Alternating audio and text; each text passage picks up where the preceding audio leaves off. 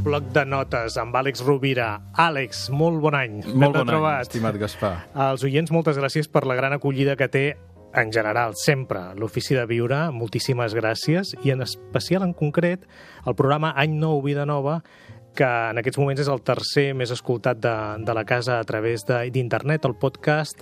No sé a tu si t'inspira aquest títol, Àlex, per oferir-nos una nota del teu blog. Any nou, vida nova, o com deien en el seu dia les nostres convidades, cada dia pot ser una vida nova. I cada instant. Des de la provocació d'una idea podríem obrir una reflexió que seria qui fores tu, qui series tu si visquessis lliure de ser qui creus que ets? Podem tornar a fer la pregunta. Qui series tu qui series si visquessis tu? lliure de la idea de qui creus que ets. Qui series tu si visquessis lliure d'un jo idea que has construït? Qui series tu aquí i ara si la teva ment fes un reset respecte al que tu creus sobre tu mateix?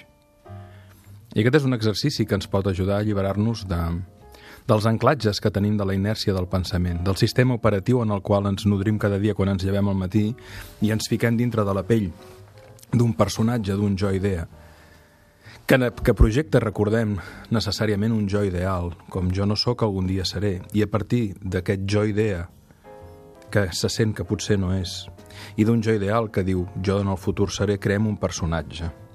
Quan ens alliberem d'això, quan connectem amb la vida fora de les idees que ens imposa la ment sobre el que som, s'obren moltes possibilitats. Veiem el món amb moltes possibilitats.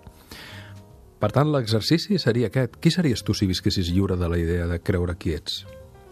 Um, aquest any nou, vida nova, es pot produir en cada instant i això no vol dir que renunciem als nostres compromisos ni a les nostres responsabilitats.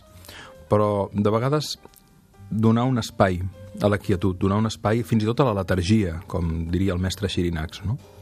en el seu model Globalium, en el qual li dedica una entrada en aquest principi molt important llegir a Xirinacs qui seríem si visquéssim lliures? De la idea de qui som.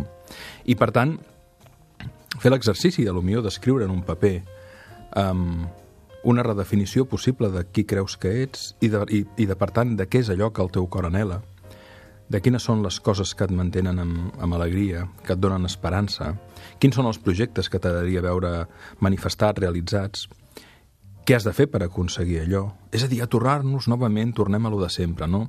La saviesa no neix de l'erudició, ni tan sols neix de la intel·ligència. Hi ha gent intel·ligent que no és sàvia. La, la intel·ligència resol enigmes, però no resol misteris. És la saviesa la que resol el misteri, però la saviesa s'hi accedeix des de la nuor, des de la humilitat, des de tocar de peus a terra, des del despullar-se d'inèrcies i de prejudicis.